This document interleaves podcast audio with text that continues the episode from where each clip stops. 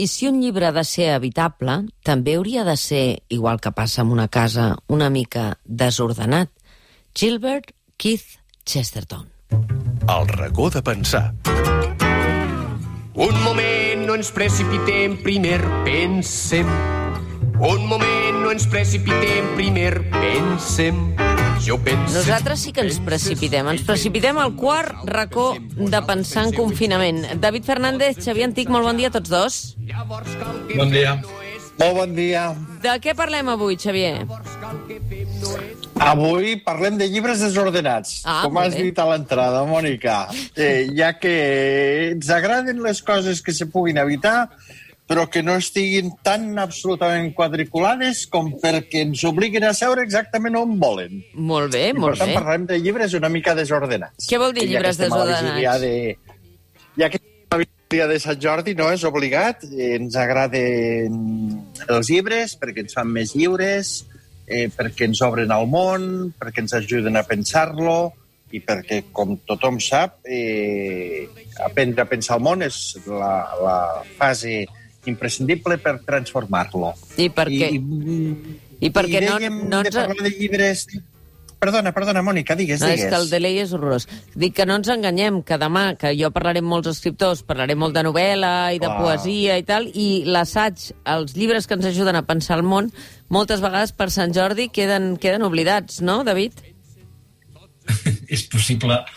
Eh, sí, sí, és, sí, és possible si anem a, la, a les vendes, però és veritat que eh, recorrent una mica a la Montserrat Roig quan deia que la cultura és l'opció política més revolucionària i femini, eh, fa falta pensar. I, I en aquest Sant Jordi tan confinat eh, i tan eh, estrany i tan eh, imprevist, eh, segurament més que mai ens fa falta mirar enrere per poder continuar endavant i per pensar precisament què és el que ens està passant. I com ho heu estructurat, això? Perquè, clar, aquesta assemblea que feu la feu a unes hores que el meu cervell ja no dona més de sí.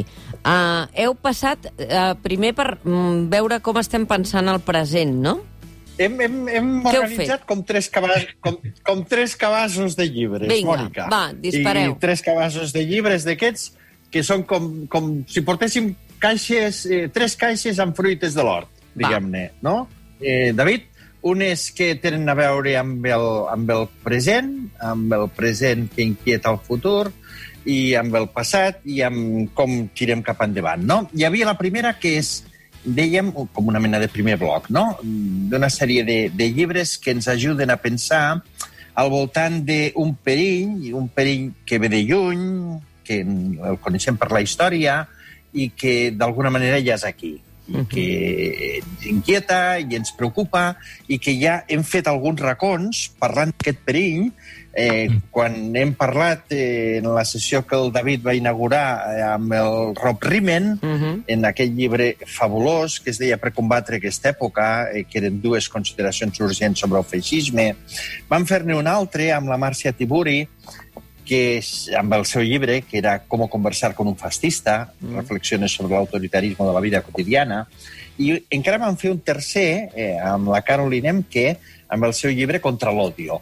I com que és un tema que hi tornem molt sovint amb aquest racó perquè ens preocupa, perquè sabem que eh, els perills del feixisme i de l'autoritarisme no són un episodi del passat, sinó que la seva amenaça és, és contínua i és latent, pensàvem que avui també podríem portar en la nostra caixa alguns llibres que ens, ens, ens recorden la necessitat de pensar aquesta amenaça, que és llunyana, però que continua sent, que continua sent present. I, i n'hem triat tres. Mònica, oi que sí, David? Un, un, un, un eh, que és, és un llibre que l'hauríem d'haver comentat amb, amb la seva autora, que és l'Alba Sidera, que és un llibre que es titula Feixisme persistent i que, i que no el van poder fer justament perquè el confinament ens va impedir que l'Alba estigués a, Sí, pogués sí. volar fins a Barcelona.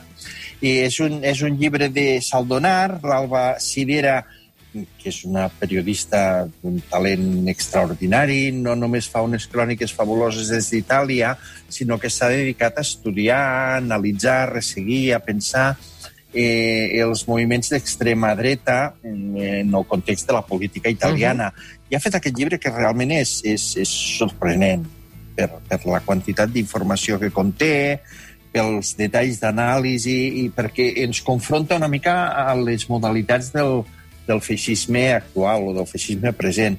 I jo crec que és un llibre molt, molt recomanable que, que, que no hem pogut mm, compartir amb, amb l'autora i escoltar-la, però que jo crec que val la pena de, de, de repescar en la voràgine de, de novetats de Sant Jordi. Eh? Uh -huh. I n'hi havia dos més. Si les, els disparo jo, David, jo ho he tirat, eh? Sí, sí. Dispara, dispara tranquil·lament, com vulguis. O, Aquí no dispara ningú. Un... Aquí no dispara ningú. Va, tireu més. redescobria un que realment és, és, una, és una meravella, que és una transcripció mm. inèdita que s'ha recuperat ara de l'any 67, que va fer l'Adorno a la Universitat mm -hmm. de Viena, i que es diu Rasgos del nou radicalisme de derecha, que, que ha editat Taurus, i que, i que també en, aquesta, en aquest primer cabàs, per dir-ho així, de, la, de les coses que parlàvem just abans de, de la Covid i que ens inquietaven, perquè ja li veiem els ullals al, al, al lloc, oh. doncs eh, té una vigència com una altra, que també ha escollit el Xavi de la antiga de paper, que és de l'estimada Clara Zetkin, que és de l'any 23, eh, 10 anys abans, no?, de, que s'instaurés un sí. com combatre el feixisme i vèncer. I en aquesta mateix, en aquesta primera cistella que deia el Xavier, el bo dels llibres és que sempre són universals, és a dir, eh, eh, serveixen allò que està escrit a qualsevol racó del món, però sí que incluïem una petita cistelleta que era la del quilòmetre zero, anem a dir-ho així, ara que aquest, aquest maig commemorarem el 75è alliberament dels camps nazis d'Auschwitz, a Mauthausen, a, a Ravensbrück, doncs allò que han escrit a, a, als nostres. No? Primer els nostres herois i heroïnes, des de la Mat Piniella amb K.L. Reich o la Neus Català, des de la, el que va escriure ella de l'assistència a la deportació fins a, fins a un cel de plom, per repassar la seva vida, però també amb un, amb un universal permanent, que és els catalans dels camps nazis de la Montserrat eh, Roig, perquè, com deia el Heinrich Heine, també, eh, on es cremen els llibres, s'acaben cremant les persones. I és que el meu cul a còpia de matar la cultura s'ha cregut ser la pròpia i sense cap mesura diu que ell és el cultura. Em preocupa el meu cul, em preocupa el meu cul. I com que la tragèdia demostra que cultura amb prou feines és cul, em preocupa el meu cul. Em preocupa el meu cul, em preocupa el meu cul. I no només el cul, el cos com a com a camp de batalla en temps de pandèmia i, per tant, pensar el cos, eh? Així és. Així és. Molt bé, David. La selecció de les filles, que és eh, res, era contra la llei del silenci. He vist que es veia un silenci i dic... Eh, i, I el Xavier ha escollit, eh, n'ha escollit tres.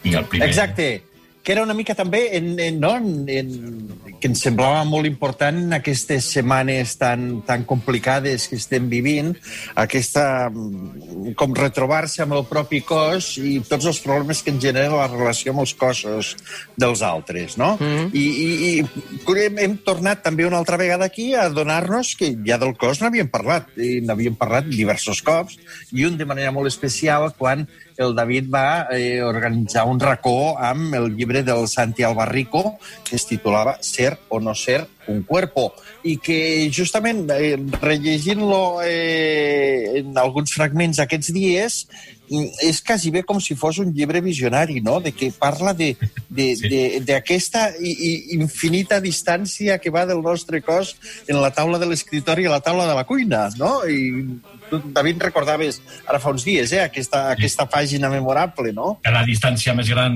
no? que hi ha dins d'una casa és la que, és la que hi ha entre, entre la pantalla de l'ordinador i, i la cuina. I en aquest llibre jo crec que, que deia una cosa absolutament vigent, el, el Santi, que deia on va tota aquesta gent cada cop més de pressa, cada cop en un mitjà més veloç. Estan fugint. De què fugen? Del cos. L'ésser humà és l'únic animal que fuig del seu propi cos. Exacte, i és com, quasi bé com una, com una invitació eh, escrita molt abans de que ens passi el que ens està passant, del que justament ara, aquestes setmanes, d'alguna manera, una mica estem obligats a, a repensar, no? A, a aquest retrobar-nos amb el cos eh, que tant ens costa en situació suposadament normal, no? Uh -huh. I com que és un llibre que estimem molt i un pensador que també apreciem per tot el que ens estimula, ens semblava que encara que no fos estrictament novetat, eh, volíem fer-ne acte de justícia de tornar-lo a posar a sobre de la taula dels nostres llibres que ens permeten de pensar on som. Eh? Mm. I al costat d'en ell, en aquest àmbit del cos, dos, eh, que un d'ells sí que és relativa novetat, que es, es titula, tot i que no és estrictament d'assaig, és una ficció tan rara que pot ser considerada com a assaig, que és el llibre que es titula Cos, de la darrera Premi Nobel Olga Tokarczuk, que ha publicat en català eh, Rat amb una traducció fabulosa del Xavier Ferrer, que encara que, com dic, és un llibre de, de ficció, tota la reflexió al voltant del cos travessa i fila aquests paràgrafs. I després hem volgut repescar un altre que tampoc no és novetat, que va traduir i editar en castellà a Cantilado el Jaume Vallcorba, de Virgilio Ferreira, que es titula Invocación a mi cuerpo, i que és un llibre absolutament meravellós, que té aquesta cosa tan pròpia dels escriptors i dels pensadors del Portugal. Mm -hmm. és, és, és, és una dimensió molt reflexiva, molt meditativa, i que també com a recordatori i homenatge al Jaume Vallcorba jo el volia portar aquí perquè el, el Jaume deia que eh, Virgilio Ferreira és un dels deus autors més importants del segle XX i és una persona que no tenim excessivament present amb, amb nosaltres. I amb quins reconstruïm? M'hauríeu de donar algun llibre per reconstruir-nos, no? Bloc, sí, sí, sí. El tercer bloc que plantejat ahir per l'Assemblea del Xavi, que era, jo crec que era encertadíssim, era per la reconstrucció, que aquest mot que serà clau i que tothom en parla aquests dies, d'un demà que ja comença ara, i aquí jo crec que farem el bloc ja mm, pràcticament títol i, i autor, no? I a la havia editat el Richard Sennett, Construir i habitar, Ètica per a la ciutat, havia citat també una altra bona edició de Tigre de Paper, que és eh, del Jordi Din, que és Necessitem camarades, entusiasme, alegria, disciplina i coratge, el Maurici Viroli de l'editorial Republicanisme, i havíem afegit també, perquè falta, ens farà, la Marina Garcés, que va dirigir un projecte que es diu Humanitats en Acció, i jo havia afegit uh, l'últim llibre que vaig llegir abans de la Covid, que era del Jorge Rietzmann, que també en vam parlar, que era uh -huh. El fin del mundo es posible, decían los compañeros. Però també és veritat que tan important com el què serà el com, i el com ja ho heu parlat aquests dies també aquí a Catalunya Ràdio, mm. eh, que és important, i per això eh, no hi haurà parades demà, això no significa que ens aturem, i per tant res d'Amazon i les llibreries eh, estan eh, pel que estan i per la tasca cultural, eh, humana i revolucionària que, que desenvolupen cada dia. I amb què marxem del racó de pensar avui? Doncs amb l'assemblea matinal, que avui ha sigut molt matinal, jo crec que eren quarts de sis, hem decidit que, ateses les circumstàncies, tornarem a passar per Portugal, marxarem amb una cançó de Portugal, però abans eh, llegirem eh, un poema, perquè si parléssim també de poesia podríem parlar del David Canyo, un, un cos preciós per destruir, de José Bastrana mm. És molta la poesia, de la Mireia Calafell... Demà parlarem amb la Mireia Calafell, demà. Fins a tantes mudes, de la Blanca Llum, Amor a la Varega, o de la Laia Lloberà amb, amb Boscan. Però acabem amb, la, amb el poema que li va escriure ahir l'escriptor kenià Nugui Naenteong, el Jordi Cuixart, que avui em fa 45 anys i, per tant, eh, felicitats a tots els que avui compleixen anys, però especialment eh, en aquest tercer aniversari d'Interreixes, el Jordi Cuixart, un fragment d'aquest poema que es diu eh, L'alba de la foscor, que a mig poema diu això. El bon veïnatge que no valorem prou... Ho sé, ho sé. Posa en perill els gestos comuns dels vincles humans. L'encaixada, l'abraçada, l'espatlla que oferim al plor de l'altre, el bon veïnatge que no valorem prou, tant que sovint ens donem cops al pit mentre fem ostentació d'un individualisme cruel. Menys tenim la natura pixant tiberí al damunt i alhora proclamem que la propietat té tots els drets legals de la persona i murmurem gratitud per poder participar en els déus del capital. Oh, tant de bo fos capaç d'escriure poesia en anglès o en totes i cadascuna de les vostres llengües, per compartir amb vosaltres les paraules que Wankiku, la meva mare Kikuyu, em solia dir. Gutiri utuku utakia. No hi ha cap nit tan fosca que no acabi a l'alba. O en altres mots, cada nit acaba a l'alba. Gutiri utuku utakia. Aquesta foscor també passarà. Ens retrobarem una vegada i una altra i parlarem de la foscor i de l'alba, Cantarem i riurem, potser ens abraçarem i tot.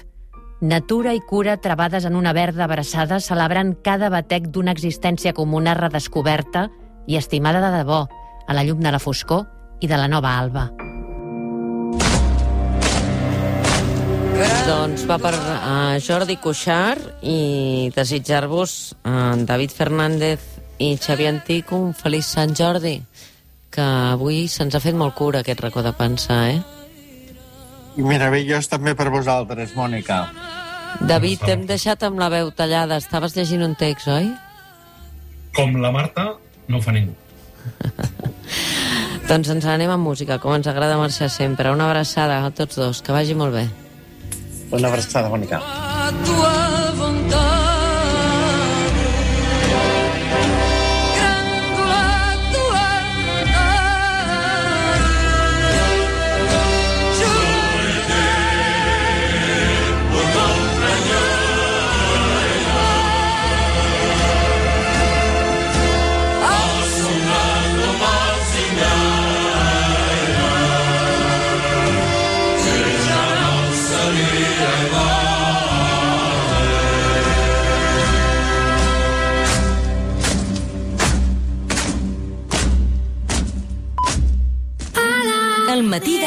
Ràdio. Siguis allà on siguis, ets a casa. Amb Mònica Terribas.